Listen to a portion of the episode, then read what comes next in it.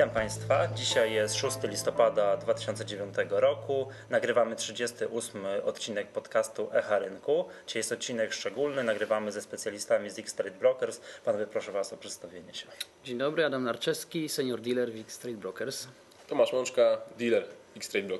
Tak, ja nazywam się Michał Masłowski, jest mi bardzo miło. Panowie, mm, tu powiedzmy od razu naszym słuchaczom, że sponsorem dzisiejszego odcinku jest Dom Maklerski X-Trade Brokers i który że ufundował dla naszych słuchaczy netbook, y, bardzo atrakcyjną nagrodę i tą nagrodę będzie można wygrać w konkursie, który ogłosimy pod koniec y, odcinka. Tematem dzisiejszego odcinka jest mm, jak grać na Forexie. Panowie, jesteście specjalistami, pracujecie w domu maklerskim, który no dopiero od niedawna um, umożliwił handel akcjami, ale jakby wywodzi się z tego, że no przede wszystkim jest znany z tego, że jest, um, można tam przede wszystkim grać na walutach. Powiedzcie mi taką rzecz, bo wśród inwestorów jest dosyć popularny, no nie wiem, mit albo jakieś takie przyzwyczajenie, że ten forex to strasznie ryzykowny jest, że tam to naprawdę trzeba być już super zaawansowanym inwestorem, żeby sobie w ogóle utrzymać się na powierzchni. Skomentujcie to Mm, jakie jest Wasze zdanie na ten temat? No oczywiście rynek Forex bez dwóch zdań e, jest rynkiem mocno zmiennym, daje dużo możliwości i daje też z tego względu dużo zagrożeń. E, nie jest to rynek e, lokaty bankowej, gdzie nie mamy powiedzmy no, ryzyka żadnego. Tutaj jednak ta zmienność i dźwignia finansowa przede wszystkim to jest to, co można powiedzieć inwestorów często w dłuższym terminie niestety, ale w jakimś stopniu no, prowadzi do większych troszkę strat, jeżeli nie pilnują zarządzania kapitałem, e, bowiem dźwignia finansowa jest no bardzo tak samo na kontraktach terminowych, które można spotkać i którzy na pewno wielu inwestorów spotkało na giełdzie papierów wartościowych. Podobnie działa to na Forexie.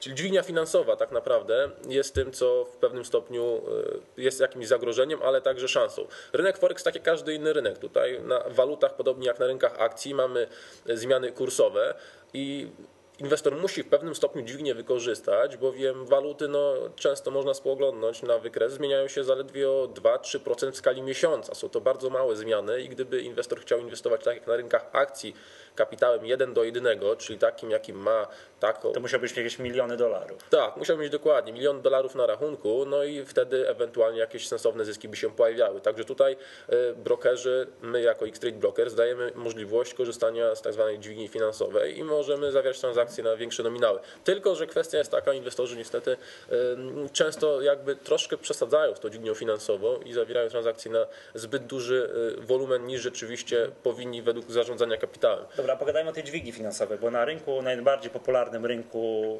na, na giełdzie papierów wartościowych, czyli na rynku kontraktów terminowych, no ta dźwignia jest 1 do 10. Tak? Tam się mnoży tą wartość kontraktu razy 10 i tak dalej. A jak to wygląda w przypadku handlu no, na walutach? Na walutach obowiązują troszeczkę inne dźwignie mhm. finansowe. E, przede wszystkim na, na, na, waluty jest to dźwignia 1 do 100, czyli pobierane jest zabezpieczenie w wysokości 1% od nominału transakcji. Jeżeli chodzi o rynki surowcowe i indeksowe, tutaj te dźwignie są już mniejsze, 1 do 50 czy 1 do 33. Ale jeszcze, żeby powrócić do poprzedniego pytania i obalić troszeczkę mit trudności e, rynku walutowego, owszem, specyfikacja samego instrumentu, czyli obecność dźwigni finansowej, związane z tym ryzyko, jak i możliwe przychody. E, tutaj Lub też możliwe straty. Powinniśmy to moim zdaniem wymieniać jednym tchem. E, prawda? Ryzyko i, i, i zysk tutaj jednakowo są e, symetryczne. Symetryczne. Mhm, Natomiast Jasne. ja bym tutaj też zwrócił uwagę na analizę rynku. Jeżeli analizujemy rynek akcji, na pewno większość słuchaczy ma z tym doświadczenie, Tutaj musimy się wdrożyć nie tylko w dany sektor branży, ale również daną spółkę, analizować raporty kwartalne, analiza wskaźnikowa. Natomiast na rynkach walutowych wystarczy, że analizujemy całą gospodarkę, bo mhm. dane makroekonomiczne czy wydarzenia w gospodarce mają wpływ na rynki walutowe. I tutaj nie musimy się już wdrażać w konkretną walutę, jak w konkretną spółkę. Nie musimy analizować danych, danych raportów kwartalnych, rocznych e, i tak dalej. Więc tutaj analiza rynku walutowego wbrew pozorom jest łatwiejsza do przyswojenia i waluty są łatwiejsze do przeanalizowania dla inwestora niż rynki. Ale powiedzcie akcyjne. mi taką rzecz, czy jednak przy tak ogromnej zmienności i przy tak y, wysokiej y, dźwigni, tak, z punktu widzenia inwestora indywidualnego, który mógłby się decydować, dobra, to spróbuję swoich sił na tych walutach, to jednak analiza techniczna nie jest dominującym tutaj narzędziem, który, który powinni wykorzystywać. Jakby, że to obserwując jakieś tam długoterminowe zmiany w gospodarce, tak, czy ta waluta jakaś tam może się osłabiać, wzmacniać, to przy, mm, no, to ma mając na uwadze to, że mamy jakieś krótkoterminowe tak, korekty w jakimś długim trendzie, to te krótkotrwałe, krótkoterminowe korekty mogą mieć tak ogromny wpływ przez swoją dźwignię finansową na, e, no, na wartość naszych, naszych kapitałów, że jednak ta analiza techniczna powinna być tym dominującym narzędziem, a ta fundamentalna, no gdzieś tam na drugim planie. Jakie jest Wasze zdanie? Znaczy oczywiście ja jako e, analityk techniczny w większym stopniu mogę stwierdzić, że, że analiza techniczna e, rzeczywiście no, troszkę w większym stopniu jest wykorzystywana i to wydaje się widać po naszych klientach, klientach właśnie detalicznych, e, bowiem no, rzadko kiedy mają oni specjalistyczne dane dotyczące zapasów różnych informacji fundamentalnych, na przykład rynków towarowych, bo rynki walutowe, czyli gospodarka, makro, deficyt, stopy procentowe jest ogólnie to dostępne i w miarę szybko to widać, kiedy takie dane się pojawiają. Także tutaj klienci starają się oczywiście właśnie analizą techniczną wygrać z rynkiem i starają się to robić właśnie w takich krótkoterminowych e, okresach. To na rynku mhm. Forex jest szczególnie widoczne, kiedy właśnie te transakcje dokonywane są często na kilka minut, e, kilka godzin ewentualnie, rzadziej ewidentnie na już kilka dni. A to czasem okazuje się dla inwestorów w jakimś stopniu tutaj utrudnieniem w dłuższym okresie, bowiem mimo wszystko rynki są zmienne, forexowe, walutowe w takich krótkich terminach. Widać te wahania, kiedy euro-dolar w pewnym momencie jest minus 100 pipsów, za chwilę po jakichś danych makro jest powrót znowu do poziomu poprzedniego plus 100 pipsów. A ale w takim... sorry, przerwę. Moglibyśmy wyjaśnić jeszcze tutaj słuchaczom tą terminologię z tymi pipsami, bo ja wiem, ale spodziewam się, że nie wszyscy mogą wiedzieć, o co, jak to jest, że od którego miejsca po przecinku w tym walutach liczymy, że to już jest pips. Mhm, tak, to jest czwarte miejsce po przecinku, jeden pips, najmniejsza możliwa zmiana ceny.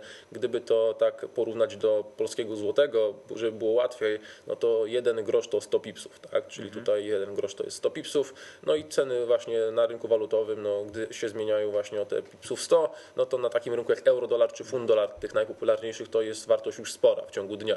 Tak, no dosyć, także...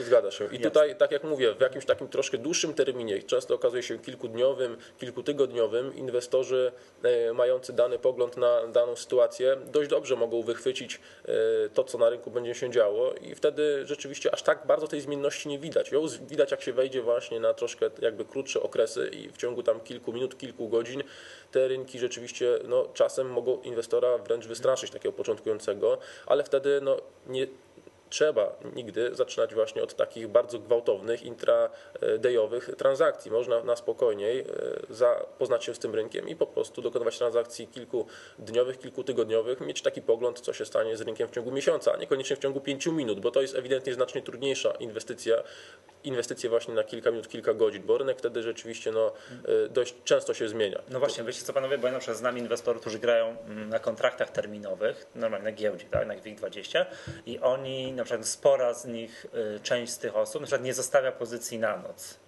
Nie, bo po to, żeby spać spokojnie, nie sprawdzać w nocy, co zrobili Japończycy, Amerykanie i tak dalej, tylko żeby spokojnie spać. A jak to wygląda na rynku walutowym? Na rynku walutowym y, na pewno dźwignia finansowa stwarza ogromne możliwości, jednocześnie mhm. ogromne ryzyko, ale żeby temu ryzyku przeciwdziałać, jest szereg y, w cudzysłowie zabezpieczeń, które inwestor może stosować, żeby swoim kapitałem mhm. zarządzać. E, angażując małą kwotę swojego kapitału w jedną transakcję, e, może ją bardzo szybko stracić. W związku z tym jest szereg zleceń typu stop loss, zlecenia obronne, czyli ustawienie sobie poziomu cenowego, przy którym zostanie zlecenie zamknięte, jeżeli określona strata zostanie osiągnięta. Więc tego typu możliwości na rynku Forex oczywiście są. E, płynność na rynku walutowym w nocy, wieczorami e, jest o wiele mniejsza. Zostawianie pozycji na noc jest oczywiście ryzykowne, bo wiele może się wydarzyć. E, dane czy wypowiedzi różnego rodzaju E, członków Banku Centralnego, na przykład ze Stanów Zjednoczonych, w, godzin, w trakcie godzin sesji w Stanach. Wieczornych. wieczornych. Z naszego punktu widzenia w godzinach wieczornych. Tak? Dokładnie, mogą mieć wpływ na naszą e, pozycję walutową. Oczywiście e, nie ma aż takich możliwości otwarcia się rynku z luką cenową, czyli poniżej lub powyżej zamknięcia z dnia poprzedniego, gdyż rynki walutowe funkcjonują 24 godziny na dobę. No właśnie o to chciałem zapytać, czy te luki, no bo o ile na kontraktach terminowych, czy tam no, na akcjach i tak dalej, no luki no, są jakby tutaj cechą tego rynku. Po prostu one są i koniec, trzeba się do tego przyzwyczaić. To jak to jest na rynkach walutowych? No bo skoro one działają 24 godziny na dobę, to czy na przykład taki rynek, no nie wiem, euro-dolara, tak? największy rynek na świecie. E, ja słyszałem kiedyś taką opinię, że, tam, że dzienny, dzienny obrót na tym rynku to jest 2 biliony dolarów. Nie wiem, że macie panowie jakieś statystyki albo wiedzę, to To już nawet ponoć kilka lat temu, teraz przekroczone Tak? nawet te wartości, tak. tak? No, Na rynku międzybankowym. przyznam szczerze, ogromne wartości. To jak, jak tam może wystąpić w ogóle lu- luka? Luki cenowe występują na walutach, jednak faktycznie bardzo, bardzo rzadko. Właśnie wynika to z ciągłości handlu, 24 godziny na dobę. I na tak płynnych parach walutowych jak euro-dolar, funt-dolar, e, dolar-jen, to są tak zwane majorsy. głównych, tak? Te- Dokładnie, tak zwane potocznie mówiąc majorsy. Luki cenowe występują bardzo, bardzo rzadko. Ewentualnie mogą wystąpić po weekendzie. W weekend rynki nie działają, rynki walutowe. Aha, no tak, jak jest przerwa, no to wiadomo. Jak nie, no właśnie, bo ciężko mi było sobie wyobrazić y, lukę, jak to cały czas działa, tak? 24 godziny na dobę, no ale rozumiem, jak jest przerwa weekendowa, no to w sposób naturalny luka Tak, może się sytuacje, zrobić. zdarzały się prawda? sytuacje, kiedy właśnie weekend były szczyty G20, G8 i wtedy jakaś różna informacja, to jeszcze okresy kilka miesięcy temu dotyczące kryzysu się pojawiały, czy będą kupowane toksyczne aktywa, czy nie, no i były tam dwa, trzy razy takie luki. sobie- Czy Rosja przykręci gaz, Tak. czy nie przykręci. Nie, ja sobie Wtedy- dwie, tak. dwie, dwie sytuacje przypominam. To była jedna na eurodolarze, jeżeli chodzi o upadek Lehman Brothers, to, to się działo w weekend. No, jedno, Rok temu ostatnio świętowaliśmy rocznicę. rocznicę tak. kwiatów nie wysyłaliśmy do Stanów z tego powodu.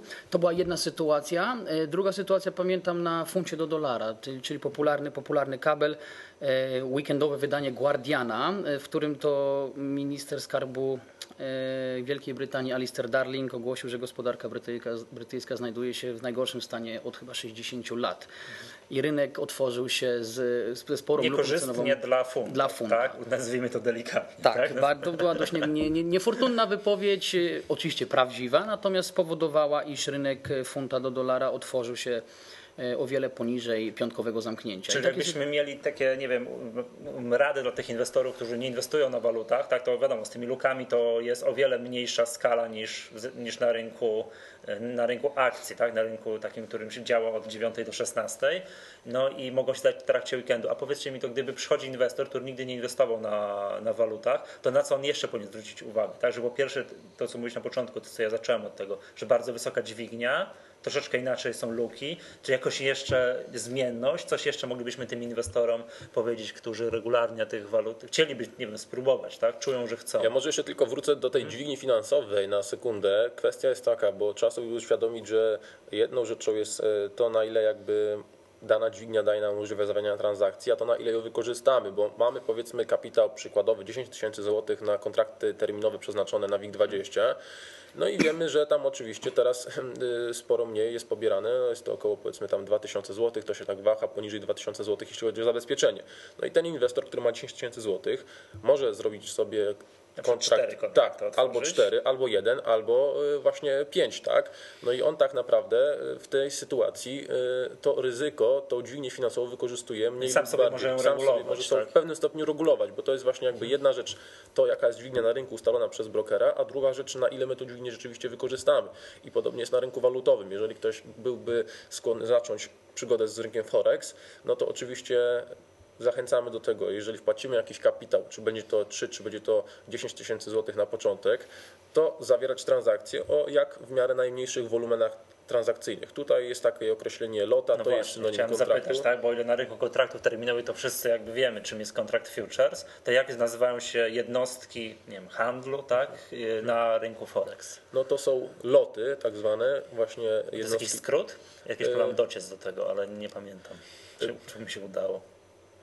No to Ja też nawet nie pamiętam, czy, czy to był jakiś skrót, od czego to było lot. Nie wiem. lot. Co to lot, y, też, też to nie... Nie wiem, może jeżeli ktoś ze słuchaczy będzie wiedział, to bardzo prosimy może w komentarzach pod podcastem umieścić, jeżeli ktoś zna genezę słówka lot. Na stronie naszej tego nie znajdzie. Na stronie naszej tego nie znajdzie. Nie, tak? nie, wiem, bo to jest tak popularne słówko Tak jakby w tej branży forexowej, no tak, że nikt jakby nie docieka, po prostu jest i koniec, tak? Dobra, no wracajmy, jak, jak ten lot jest skonstruowany. I wracając do właśnie lota, no to jest to zawsze dla walut 100 tysięcy tej waluty. Na, na przykład rynku euro-złoty jest to 100 tysięcy euro. No i na naszej platformie transakcja może być dokonana na oczywiście mniejszą skalę, czyli na przykład 0,1, jedna dziesiąta lota. No i A wtedy właśnie, czyli oczywiście- można sobie takiego mini lota Tak. skonstruować, czyli nie 100 tysięcy euro, tylko 10 tysięcy euro. Dźwignia 1 do 100, czyli wówczas zabezpieczycie inwestorowi 100 euro. 100 euro. 100 euro. Mhm. Kwestia jest taka, że wtedy już widać, jak to wygląda. Jeżeli mamy na rachunku 10 tysięcy złotych, a inwestor zrobi transakcję na 10 tysięcy euro, to on tak naprawdę jakby wykorzystuje dźwignię czterokrotnie, bo on. Tak, razy 4. Tak, bo mniej więcej 40 tysięcy jest obecnie nominał 10 tysięcy euro. Zgadza się. No i, ale inwestor właśnie no, może zawrzeć, jeżeli będzie chciał znacznie większe e, zyski, co się będzie wiązało także z ryzykiem znacznie większych strat, zrobić transakcję nie na jedną dziesiątą, tylko na jednego lota, bo na tyle też mu jakby ten kapitał pozwoli. I tu jest kwestia tego, żeby na początek jednak nas nie kusiło, bo są inwestorzy, którzy grają bardzo ryzykownie, Razy są na 100, rynku. tak?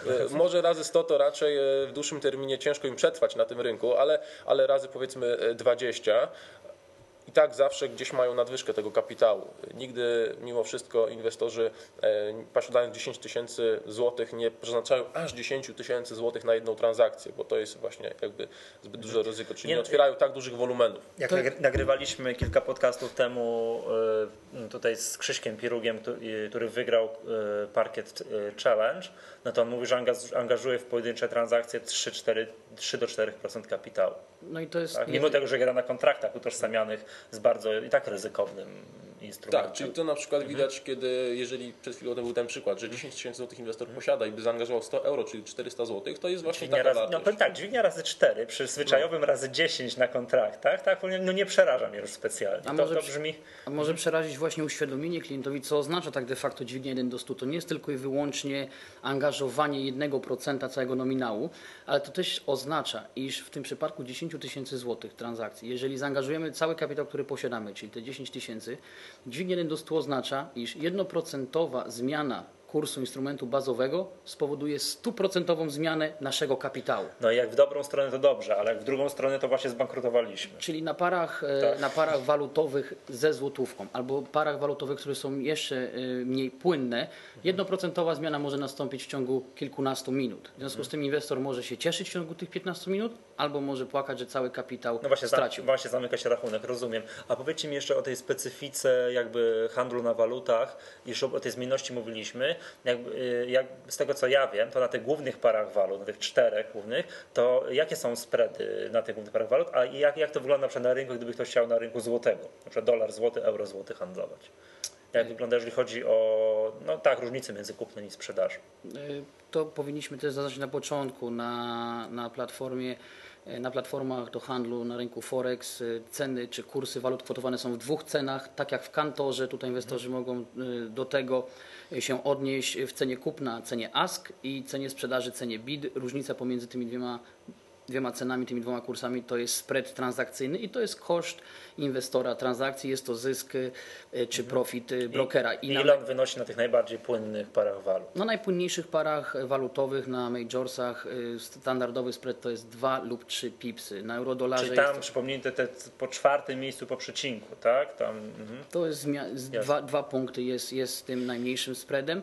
Natomiast jeżeli chodzi o pary ze złotówką, jest to spread w wysokości pi- 50 punktów, czyli pół grosza. Czyli dosyć dużo.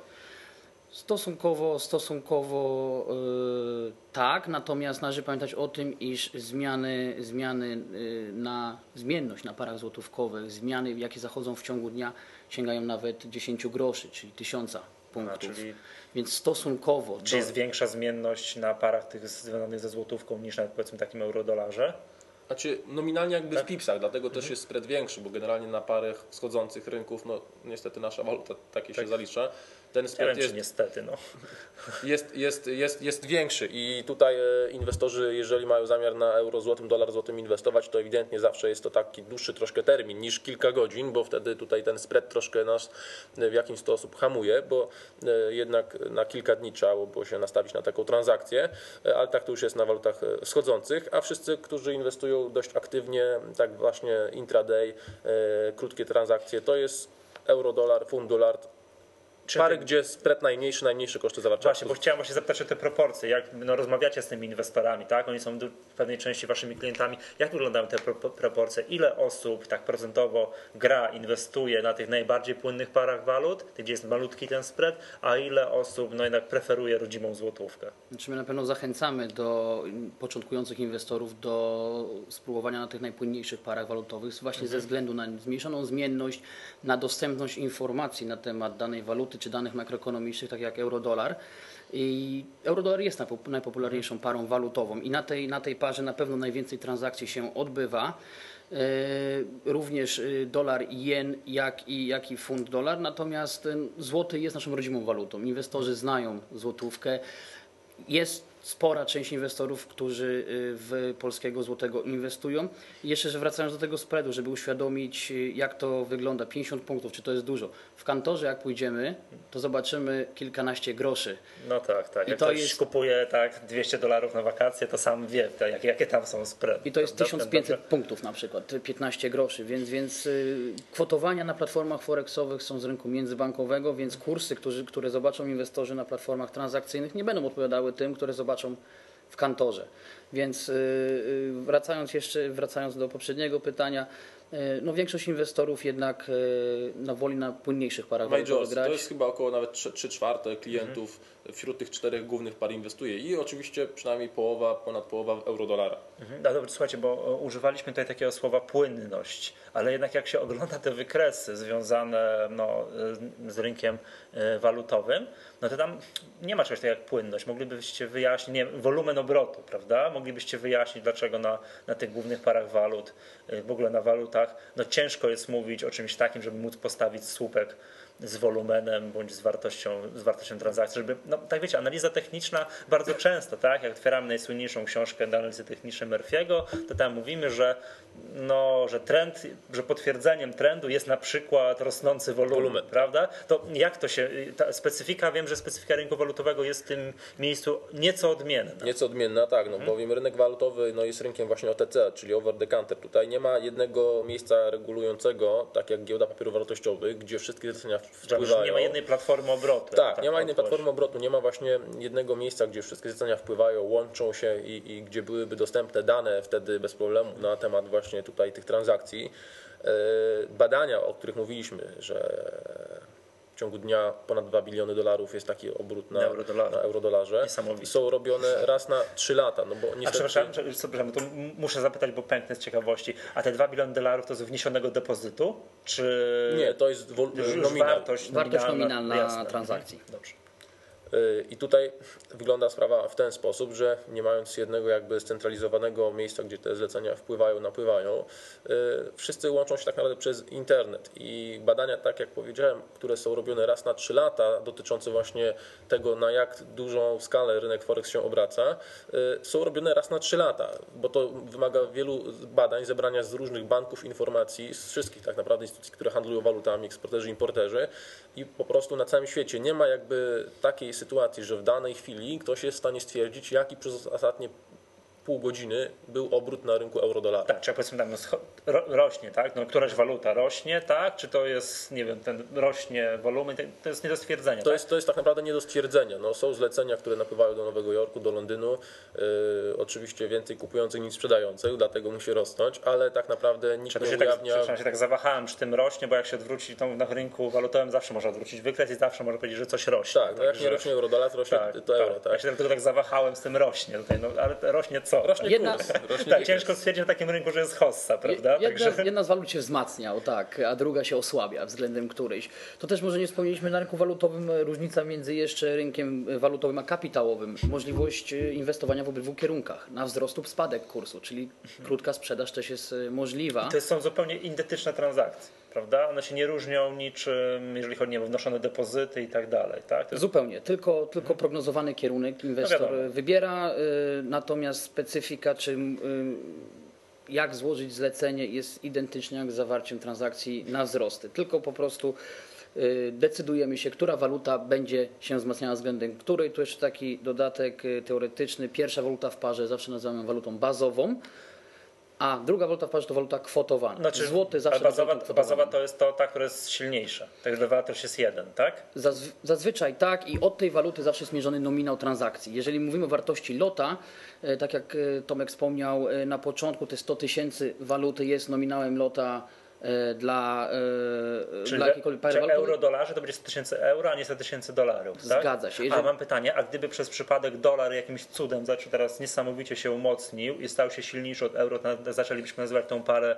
y, no nie euro-dolar, Dolar euro, nie. dolarem raczej, euro, czy tak? On by się odwróciłoby się, ten zapis by się odwrócił. raczej nie. Tutaj już jakby w systemach y, rozliczeniowych finansowych świata zostało ustanowiona ta eura na zasadzie euro-dolar. I mieliśmy momenty, kiedy było No, no, po wprowadzeniu euro. to było dawno temu, ale tak dawno było, Temu, tak? ale, ale y, było przecież y, okolice 0,8, tak, poniżej jedynki, jeśli chodzi o euro-dolara. No i to ciągle było euro-dolar, także tutaj jakby y, zmian, zmian nie było i, i Tak, bo ciężko mi sobie wyobrazić, że złotówka zacznie być silniejsza euro, od euro, to, to nie boję się, że euro złoty zacznie być złotym euro, to jakby jestem spokojny. Nawet nie chodzi o si- o To- to siłę w jakimś waluty. innych walut. Tu nawet nie chodzi o siłę waluty, bo dolar y, mimo ostatnich zawirowań i informacji, które napływają ze Stanów i, i całym tym otoczce kryzysu, no dolar cały czas jest walutą światową. Tak jest, tą dominującą. Tak, Tak jest. Euro jeszcze nie. To, no nic, nic dziwnego, te cztery główne pary wa- walut to są na dolarze oparte. To się zgadza Tak. i dolar to cały czas pozostaje walutą rozliczeniową, jeżeli chodzi o główne surowce i, Jasne. i, i jest to najpopularniejsza jeszcze waluta No na są świecie. chyba kraje na świecie, w sensie nie Stany Zjednoczone Ameryki, głów- y, walutą taką no, codzienną w handlu, gdzie się kupuje coś w sklepie jest dolar, tak? Jakieś wyspy, jakieś tak, tam. te mniejsze takie Także- jednostki powiązane na sztywno często z dolarem. Tak, jasne. A mam takie pytanie, już jakby mm, kończąc powoli tę część, bo jeszcze chciałbym podpy- podpytać Was o inne rzeczy.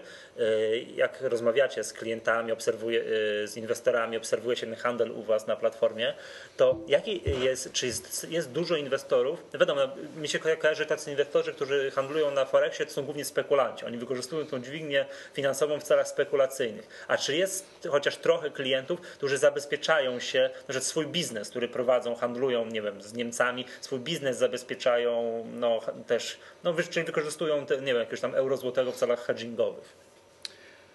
Jest to niewielki odsetek klientów, jednak rynek walutowy jest traktowany jako rynek spekulacyjny, do, jako możliwość szybkich zysków.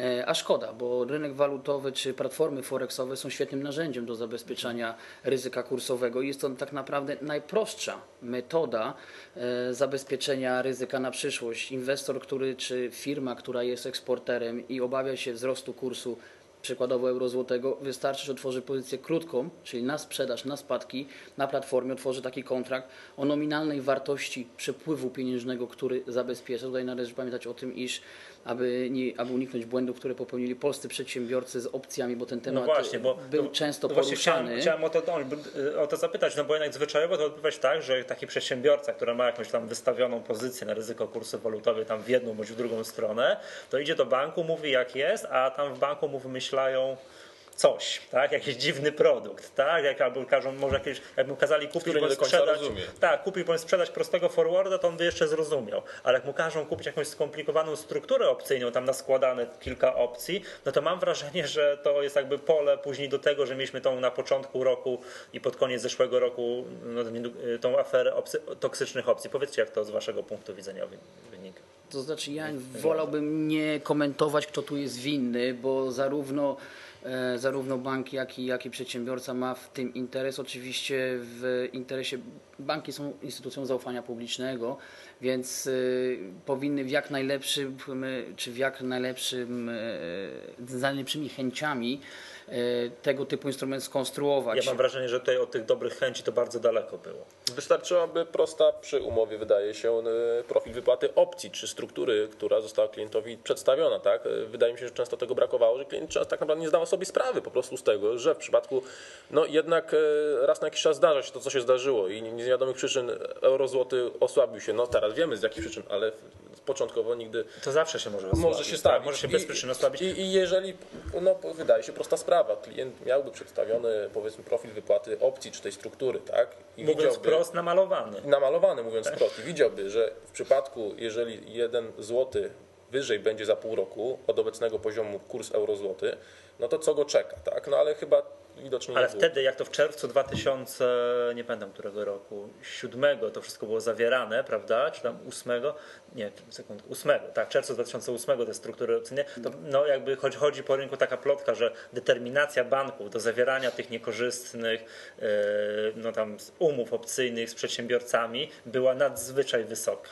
Tak, tutaj taka mała spiskowa teoria dziejów. Mi się wydaje, Jeszcze że zawiodła tutaj edukacja, podstawowa edukacja tych przedsiębiorców I którzy nie rozumieli po prostu tego, co zawierają. Tak, a z jednej strony to jest oczywiście racja i swoją drogą też druga sprawa, no, to o czym mówimy, no zawsze jest chęć prawda, osiągnięcia przez banki określonego zysku, y, sprzedaży produktu, no ale kwestia też jest gdzieś jakby ten punkt, gdzie należałoby chyba jednak klientowi uświadomić właśnie ewentualnie co go czeka, jeżeli y, nadejdzie prawda, y, coś niewłaściwego. No my tak zawsze robimy.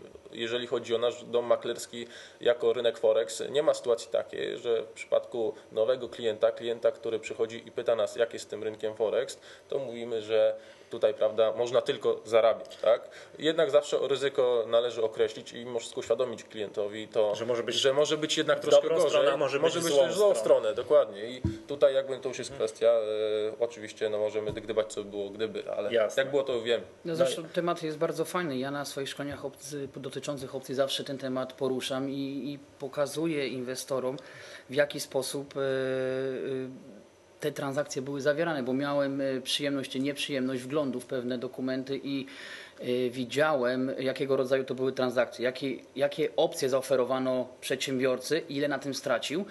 I większość przypadków dotyczyła niedopasowania nominału. Jak zabezpieczamy ryzyko kursowe, musimy wydobrać taki nominał transakcji, który zabezpieczy nam nominał naszego przepływu pieniężnego. Jeżeli nasz przepływ pieniężny naszej spółki wynosi 100 tysięcy euro w skali miesiąca, nie możemy kupić, czy, czy sprzedać, czy złożyć struktury e, opcyjnej Na milion. na milion euro. A niestety tego, tego dotyczyła większość sytuacji. No Tam t- troszeczkę też przedsiębiorcy sobie pospekulowali, prawda? To znaczy, że nie wiem, eksporter, który powinien zabezpieczać się przed umocnieniem złotówki, zabezpieczał się dokładnie, no zabezpieczał się to jest nie najlepsze słowo, zawierał transakcje w drugą stronę. Na pewno jest tak, o czym rozmawiamy, że część właśnie lu- ludzi, część inwestorów, przedsiębiorców, przepraszam, tutaj e, może czuć się w pewien sposób tak dotknięta, bo sprzedano im coś, co Mówiąc wprost wciśnięte. Tak, ale część rzeczywiście, tak jak teraz mówimy w tej drugiej części naszej rozmowy, rzeczywiście no, chciała troszkę zaspekulować. Także tu jest jakby ten temat. To gdzieś jest wina po płynny. moim tutaj po wszystkich Jest- stronach, jeżeli chodzi, ale pewno- jednak tutaj wina bym jednak położył po stronie tych przedsiębiorców. Dobra, panowie, nie kontynuujmy tego, bo chciałem zapytać was o jeszcze jedną rzecz, Mhm. dobra? E, Słuchajcie, niedawno prasa donosiła, że tak zwane popularne struktury, tak, mówiąc pełnym zdaniem produkty strukturyzowane, którym tak zaufali klienci, nie wiem, no banków, no nie, nie spełniają tych oczekiwań, co miały spełniać. Powiedzcie, Znowu wracamy do banków. Wracamy do banków. Tak, znowu, znowu te banki, które lubią, moim zdaniem to tak jest, że banki wolą mieć klienta niewyedukowanego. To jest takie moje prywatne zdanie. No ale e, powiedzcie, jak to jest z tymi strukturami oferowanymi przez, no głównie przez banki i różnego rodzaju właśnie instytucje finansowe. Jak to jest, czy te, takie artykuły prasowe, które mówią, że te struktury miały zarabiać, a nie zarabiają. To jak to, czy to jest, czy to jest dobry pogląd?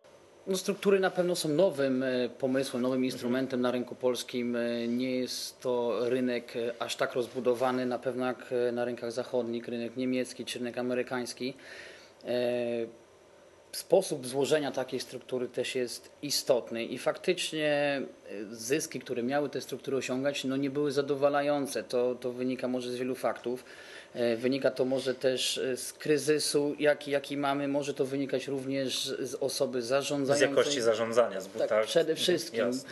Pamiętajmy, że taka struktura ma część e, bezpieczną, czyli to część, która jest lokowana e, w jakiś instrument, który przyniesie jakiś procentowy zysk bez jakiegokolwiek ryzyka. To jest ta część, która zabezpiecza ten kapitał. No i w zależności jaka część kapitału jest zabezpieczana. Jeżeli jest to bardziej ryzykowna struktura, często, często jest to tylko 70% zabezpieczenia kapitału, a reszta jest inwestowana w, często w instrumenty pochodne bądź akcje, które mają tą wyższą stopę zwrotu w cudzysłowie zapewnić, a tak się nie dzieje. Ja myślę też, że sytuacja wygląda następująco, bowiem jeżeli zerkniemy na okres ostatnich dwóch, trzech lat, a pewnie badania, które były robione na zasadzie, jak dana struktura dała zarobić przez ostatnie właśnie 2-3 lata. Struktury te były pewnie zawierane 2006-2007, powiedzmy w tych okresach, kiedy no wiemy jaka była sytuacja, wiemy jaki był kierunek rynku i zapewne większość Mieliśmy struktur... wieczną hossę. Wieczną hossę, wieczny wzrost cen towarów i zapewne większość no, w tym kierunku szła, a raczej nie wybrano sobie, aby banki próbowały sprzedać klientom w 2007 roku struktury oparte na spadek cen ropy i na e, spadek cen akcji. W czasach, kiedy mieliśmy ropę po 140 dolarów. Tak, i tutaj no. na pewno to wynika z tego, że no, mieliśmy e, kryzys, jaki się zdarza raz na powiedzmy dłuższy okres, no nie powiemy raz na 100 lat, bo tak naprawdę takie tąpnięcia się zdarzają co, co kilkanaście lat no, naj, najrzadziej tego typu, nagłe na giełdach. No i tutaj jakby jest ten dość newralgiczny okres, także teraz no, warto, dobrze, że takie badania, takie publikacje się pojawiły i, i, spojrzeć na to rzeczywiście, że ten okres 2007 do 2009 był bardzo na pewno ciężki dla tego rynku, bo tak jak mówimy, większość pewnie była zgodnie z trendem tych struktur sprzedawana, no a jednak rynek zrobił nam małego psikusa. Ale pytanie, co będzie powiedzmy w okresie kolejnych dwóch, trzech lat i wtedy jakby tutaj w tym, miejmy nadzieję, spokojniejszym jakimś otoczeniu, bo też nie możemy przewidzieć w przyszłości, na jakim poziomie będą indeksy i towary za dwa lata, jak to będzie wtedy wyglądało. Jest tak duża zmienność na tych rynkach, że jeżeli ta część struktury, która jest inwestowana w towary, dawałaby jakąś elastyczność zarządzającemu, a po prostu przy dużych nominałach, przy bardzo szybko zmieniających się rynkach, zarządzający taką strukturą nawet czasami miał możliwości zmiany swojej pozycji. A faktycznie, jak Tomek mówił, te struktury były zawierane w jednym kierunku, przy wysokich cenach surowców, kiedy, kiedy one osiągały tak naprawdę historyczne szczyty i, i, i to spowodowało, no, że w tym momencie y, jest jak jest. Czyli, czyli to, co miało przynosić zyski, tak naprawdę już nie rosło. No, ceny, ceny surowców nie będą rosły nieskończenie, nieskończenie wiele i musiało się to kiedyś skończyć. Po nie no, prostu no, to było takie. Zawsze, zawsze, zawsze uczestnik takiej struktury, która i tak powiedzmy dawała jakąś gwarancję większą lub mniejszą kapitału. Bądź na przynajmniej zachowania wartości nominalnej. Wartości nominalnej tak? no to może się pocieszyć oczywiście tym, że nie był posiadaczem jednostki uczestnictwa funduszów inwestycyjnych, tak? Y, które, które no ewidentnie no, straciły na wartości i to bardzo sporo. Teraz troszkę odrobiły przez ostatnie kilka miesięcy. No tak, ale to, słuchajcie, jeszcze o tych strukturach, bo to jakby warto może moim zdaniem zwrócić uwagę na dwa typy struktur. To jest pierwsza, to jest ta, o którym wy mówiliście, tak, że ten kapitał wpłacany przez potencjalnego klienta jest dzielony na dwie części, powiedzmy 80% inwestowany mm, w jakieś instrumenty, nazwijmy bezpieczne, tak, które mają, nam powiedzmy sobie przez 3 lata odrobić ten kapitał, troszkę być naszym zabezpieczeniem, a 20% coś ryzykownego, tak? jakieś opcje, no nie wiem, cokolwiek, tak?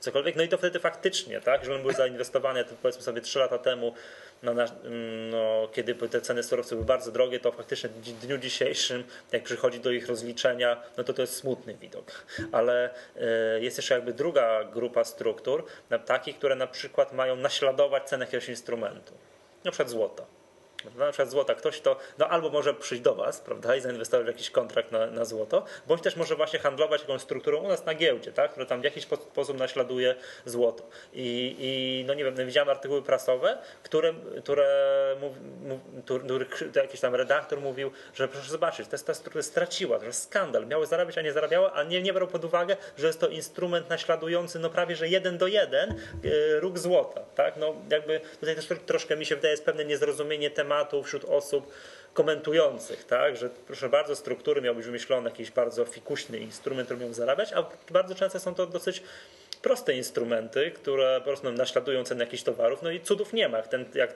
cena tego towaru na rynkach światowych spada, to cena takiej struktury też będzie, te, też będzie spadała. Oczywiście i tutaj, tutaj teraz jest gest inwestora, czy jest, jeżeli oczywiście wczyta się w prospekt tej struktury i będzie wiedział na czym polega ta struktura, jeśli jest to struktura po prostu śledząca, jeden do, skorelowana jeden do jednego e, z danym towarem, z danym instrumentem finansowym, to czemu miałby płacić za zarządzanie taką strukturą? Czemu miałby jakieś opłaty z tego tytułu ponosić? Otóż to właśnie. Kiedy mógłby tak naprawdę na rynku, na rynku instrumentów pochodnych samemu spróbować na tym instrumencie zagrać. A jest przecież wiele, wiele platform transakcyjnych, są możliwości dla inwestorów indywidualnych, którzy nawet mniejszym kapitałem, pamiętam, że często e, struktury mają wymaganą e, większą wpłatę. Nie jest to 1000 zł, e, nie jest to 500 zł, zazwyczaj są to o wiele większe kwoty.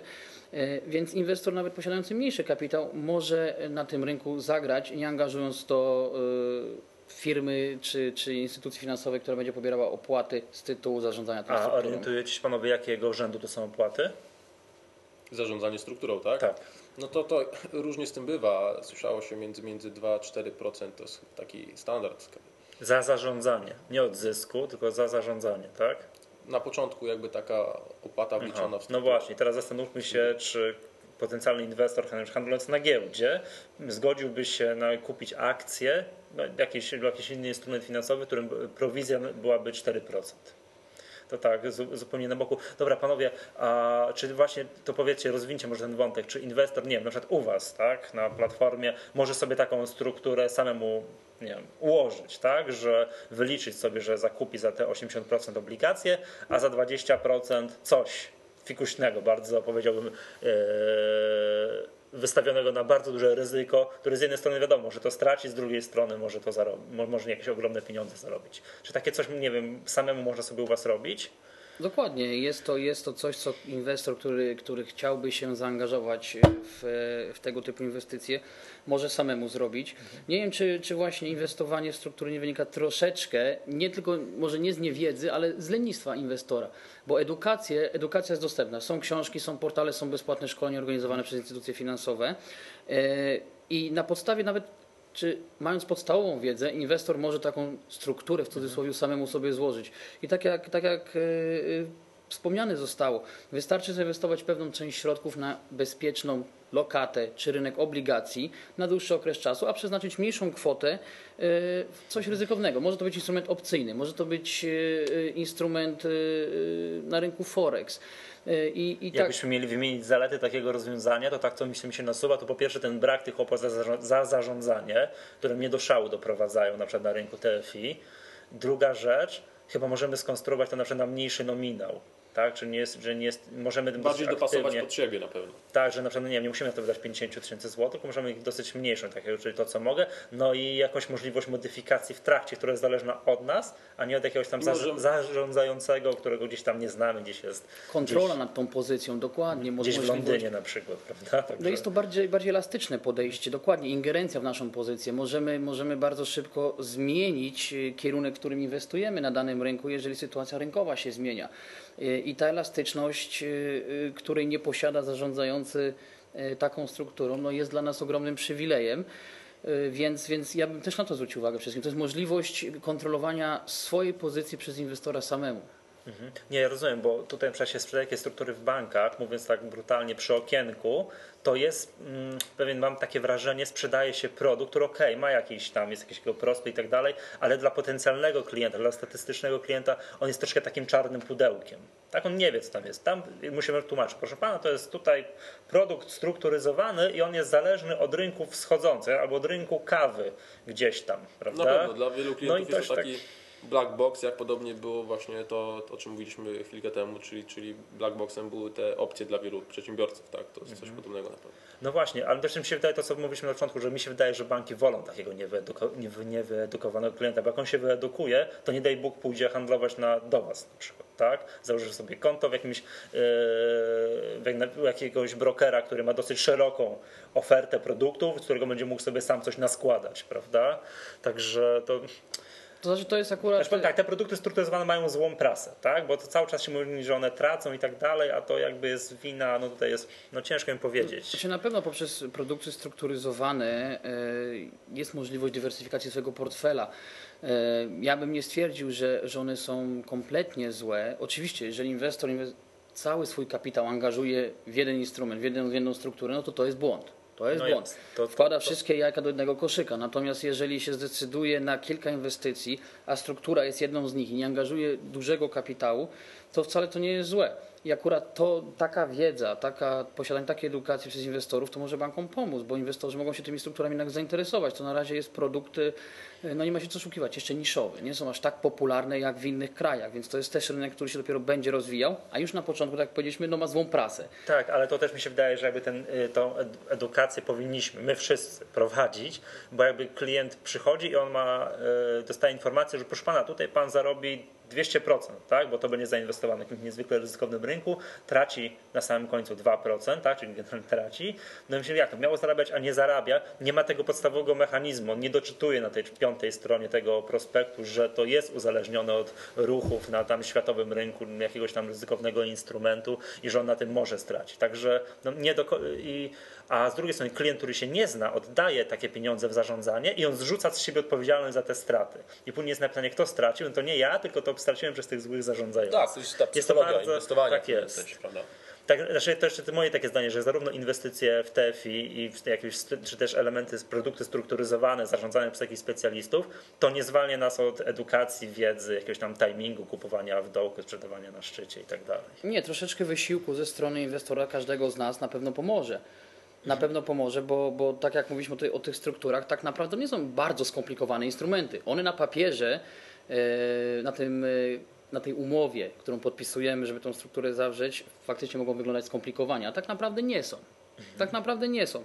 Większość z nich albo śledzi, e, jest skorelowana jeden do jednego z jakimś instrumentem, bądź ten drugi typ struktury inwestowana w bezpieczne instrumenty, druga część jest inwestowana w ryzykowne. A to inwestor może przy swoim wysiłku troszeczkę zaangażowania może zrobić samemu. Jasne, jeszcze tutaj na sam koniec, y, jakby, a już obwinianie takich instrumentów strukturyzowanych, które śledzą na przykład cenę złota, o to, że one straciły na wartości, jest już jakimś kompletnym nieporozumieniem, że obwinianie to jakże, to, to taka struktura, to już wszystkim się kojarzy, że tam być element bezpieczny, nasz produkt bezpieczny, i, a to tak naprawdę jest, no nie wiem, no, no może nie kontrakt terminowy, no ale jakiś tam CFD czy coś takiego. No zawsze jest kwestia tego, w jakich momentach właśnie są jakby ustawione te, te, te punkty, te strajki, prawda, kiedy struktura jest rozliczana. Zaczyna działać, no, tak. Ktoś kiedy... może spojrzeć jasne. na wykres złota, wydaje się, że wykres złota e, nieprzerwanie od kilku lat jest wzrostowo z korektami, no ale może akurat trafiliśmy na tą korektę na strukturze, nigdy nie wiadomo. Tak, tak te struktury są różnie, tam mają jakieś punkty, kiedy coś tam zaczyna działać, przestaje tak, działać tak. tak dalej. One są tak, to, to nie jest tak, że on często naśladuje jeden do jeden, one mają tam różne, no, no właśnie, no to nie jest y, zwykły, y, no różnego rodzaju tam zapisy, które powodują na przykład, że struktura może przestać działać mimo jakiegoś tam rynku host. Dobrze, panowie, bardzo wam dziękuję. Y, to myślę, że troszkę tutaj taką małą dawkę edukacji, jeżeli chodzi o ten, od, odczarowaliśmy troszkę ten rynek Forex, no i generalnie rynek OTC, nie tylko, nie tylko walut, ale też różnego rodzaju produktów. E, no, mam nadzieję, że on troszkę przyjaźniejszy się stanie, tak? bo tak jak już mówisz na tym rynku, zawsze gdzieś jest hossa, co można znaleźć, no, a czasami podczas jakiegoś wieloletniego marazmu na giełdzie, no tacy inwestorzy po prostu się zrażają, dzięki temu mogą sobie poszukać czegoś, czegoś innego. Zawsze powtarzamy, że bardzo dobry sposób na dywersyfikację, część w rynku akcji, część w rynku walutowym, e, nie wszystko na jedną transakcję, nie wykorzystywanie zbyt dużo stopniu tej dźwigni finansowej, ale dywersyfikacja no, od zawsze się mówi, jest y, dla klienta potrzebna dla inwestora i tutaj tak jak mówimy, no jeżeli rynek akcji stoi w miejscu, nic się nie dzieje, no to warto jednak być może na tych y, spadkach na indeksach coś wtedy zarobić, bądź na spadkach na walutach, no bo tu możemy grać w dwie strony, no to jest ta główna zaleta. Jasne, czyli te podstawowe zasady inwestowania, które działają na giełdzie, to na Forexie też są prawdziwe, tak? W dłuższym terminie w zupełności na pewno inwestor, który na rynku akcji y, daje sobie radę, w przypadku zarządzania kapitałem na rynku walutowym w takim średnim terminie też będzie sobie dawał radę. Inaczej, tak jak już mówiliśmy, na pewno jest to troszkę trudniejsze, bo wtedy widać tą większą zmienność na takich transakcjach krótkoterminowych w ciągu dnia, kiedy ta zmienność po tych danych różnych makro w dłuższym terminie to się w jakimś stopniu wygładza i każdy może spróbować swoich sił. Dobra, ogłośmy konkurs, tak? Przypomnijmy, że e, tutaj sponsorem tego odcinka podcastu Echa Rynku jest Dom Maklerski X Trade Brokers i jest niezwykle atrakcyjna nagroda, czyli mm, netbook Samsunga. Ja opis tego netbooka umieszczę w opisie podcastu, także Państwo będziecie mogli zobaczyć. No i pytanie, pytanie, proszę bardzo, zadajcie panowie pytanie, które prosimy o nadsyłanie, odpowiedzi na to pytanie, które za chwileczkę tutaj padnie, w ciągu tygodnia na adres mój, adres mailowy podcast małpa sci.org.pl i wśród osób, które odpowiedzą poprawnie, e, rozlosujemy to na wizji w przyszłym tygodniu, w przyszłym tygodniu nagrodę. Panowie, pytanie. Na pytanie będzie dotyczyło rynku towarowego. E, wiele rynków X-Trade Brokers jest dostępnych oprócz walut, surowcy i także indeksy, a my pytanie zadamy odnośnie rynku złota, czyli troszkę z tymi strukturami, o których mówiliśmy. E, pytanie brzmi, na ile uncji opiewa Wix Trade Brokers jeden lot na rynku złota? W ten sposób. Na ile uncji opiewa jeden lot na rynku złota u Was w domu maklerskim. W naszym domu maklerskim. Zdradźmy tajemnicę, że można to znaleźć na stronie www.xtb.pl. Tak, poszukać można w górnych zakładkach na naszej stronie. tak, miejmy, Delikatna podpowiedź. E, tak, miejmy nadzieję, że. A to przy okazji, tam ja oglądałem Waszą stronę, tam jest taki sporo materiałów edukacyjnych, gdzie można tak podstawowe te wiadomości o tym Forexie e, nabyć. Jeszcze panowie, ostatnie pytanie na koniec, bo wiem, że u Was e, w domu maklerskim można oprócz, no wiadomo, tak, mm, inwestować w te wszystkie instrumenty, o których mówiliśmy, ale może też mieć rachunek demo. Prawda? Jakie jest Wasze podejście do inwestycji na rachunku demo? Zapomniałem to zapytać wcześniej, zapytam teraz. No, rachunek demo jest, jest na pewno wielką pomocą dla inwestora. Proszę też nie oczekiwać, że rynek czy konto demonstracyjne w jakimkolwiek e, biurze maklerskim odzwierciedla w 100% rynek. E, my staramy się urealnić jak najbardziej konto demonstracyjne. Wszystkie zasady obowiązujące na rynku rzeczywistym obowiązują na koncie demo, czyli sposób przeliczania, sposób e, liczenia wartości transakcji itd. Tak to wszystko uwzględniamy oczywiście. E, konto demonstracyjne jest świetne dla inwestora, żeby zapoznał się z platformą transakcyjną, z jej funkcjonalnością, żeby się nauczył podstawowych funkcji. Podstawowych... Żeby później na prawdziwym rynku nie klikał, to gdzie to się powinno kliknąć? Prawda? Rynek jest bardzo szybki i tak. podjęcie szybko decyzji jest bardzo ważne. Dodatkowo zapoznanie się z różnego rodzaju e, funkcjami analitycznymi, które są dostępne na, na, na platformie, czy analiza techniczna, mhm. wskaźniki. Jest to bardzo fajne narzędzie właśnie do analizy wykresowej. Ale już później nauka, jakby nie wiem, sama, no, nie wiem, nauka jakiejś metody i tak dalej. Czy Proces inwestycyjny na demo oczywiście jest o tyle łatwiejszy, iż nie dochodzą tam emocje. To widać o zarówno na Forexie, jak i na wirtualnych grach e, akcji prowadzonych przez różne e, czasem portale. Generalnie no, czynnik psychologiczny, ten aspekt zarządzania kapitałem jest bardzo ważny. To na pewno widać na rynku Forex, widać na rynku kontraktów terminowych i no, ewidentnie tutaj na rynku demo jest to łatwiejsze, tak? Osiągnięcie często troszkę szczęście początkującego lub otwarcie pozycji, w sumie troszkę o niej zapomnimy, wrócimy za dwa dni i się okazuje, że z 10 tysięcy zarobiliśmy już plus 5 tysięcy.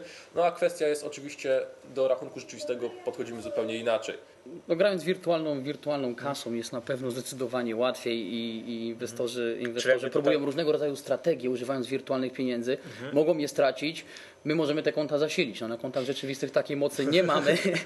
Jasne, czyli jakby taka rada, e, poznajmy funkcjonalność systemu, oswojmy się z systemem, ale pamiętajmy, że tam nie ma emocji, prawda? Grajmy później na prawdziwych e, rachunkach, prawdziwymi pieniędzmi, wykorzystując to, co Pan mówiliście na początku, na przykład dźwignia razy 4. Jest to dużo mniejsza dźwignia niż na kontraktach na, na, na WIG20. No to, to jest jedna ze strategii. Najważniejsze jest, żeby wejść na rynek mając jakąś strategię, mieć jakieś założenie się ich trzymać. Wiele, wiele razy dochodzi do sytuacji, iż mamy ustalony plan działania, ale po kilku transakcjach udanych bądź nieudanych, w zależności od tego, jak nam idzie, szybko to zmieniamy. Natomiast. A to jest e, natura ludzka, tego się nie da oszukać. To jest psychologia. Ja się, z tym, ja się z tym jak najbardziej zgadzam i dlatego ta psychologia jednak jest e, tym najistotniejszym elementem inwestowania, nie tylko na rynku walutowym, ale też na rynku kapitałowym. Mhm. Dobra, panowie, e, jakby o tym wpływie psychologii na inwestowanie, że na rynku Forex, który moim zdaniem o wiele większy jest ten wpływ niż na, na rynku akcji.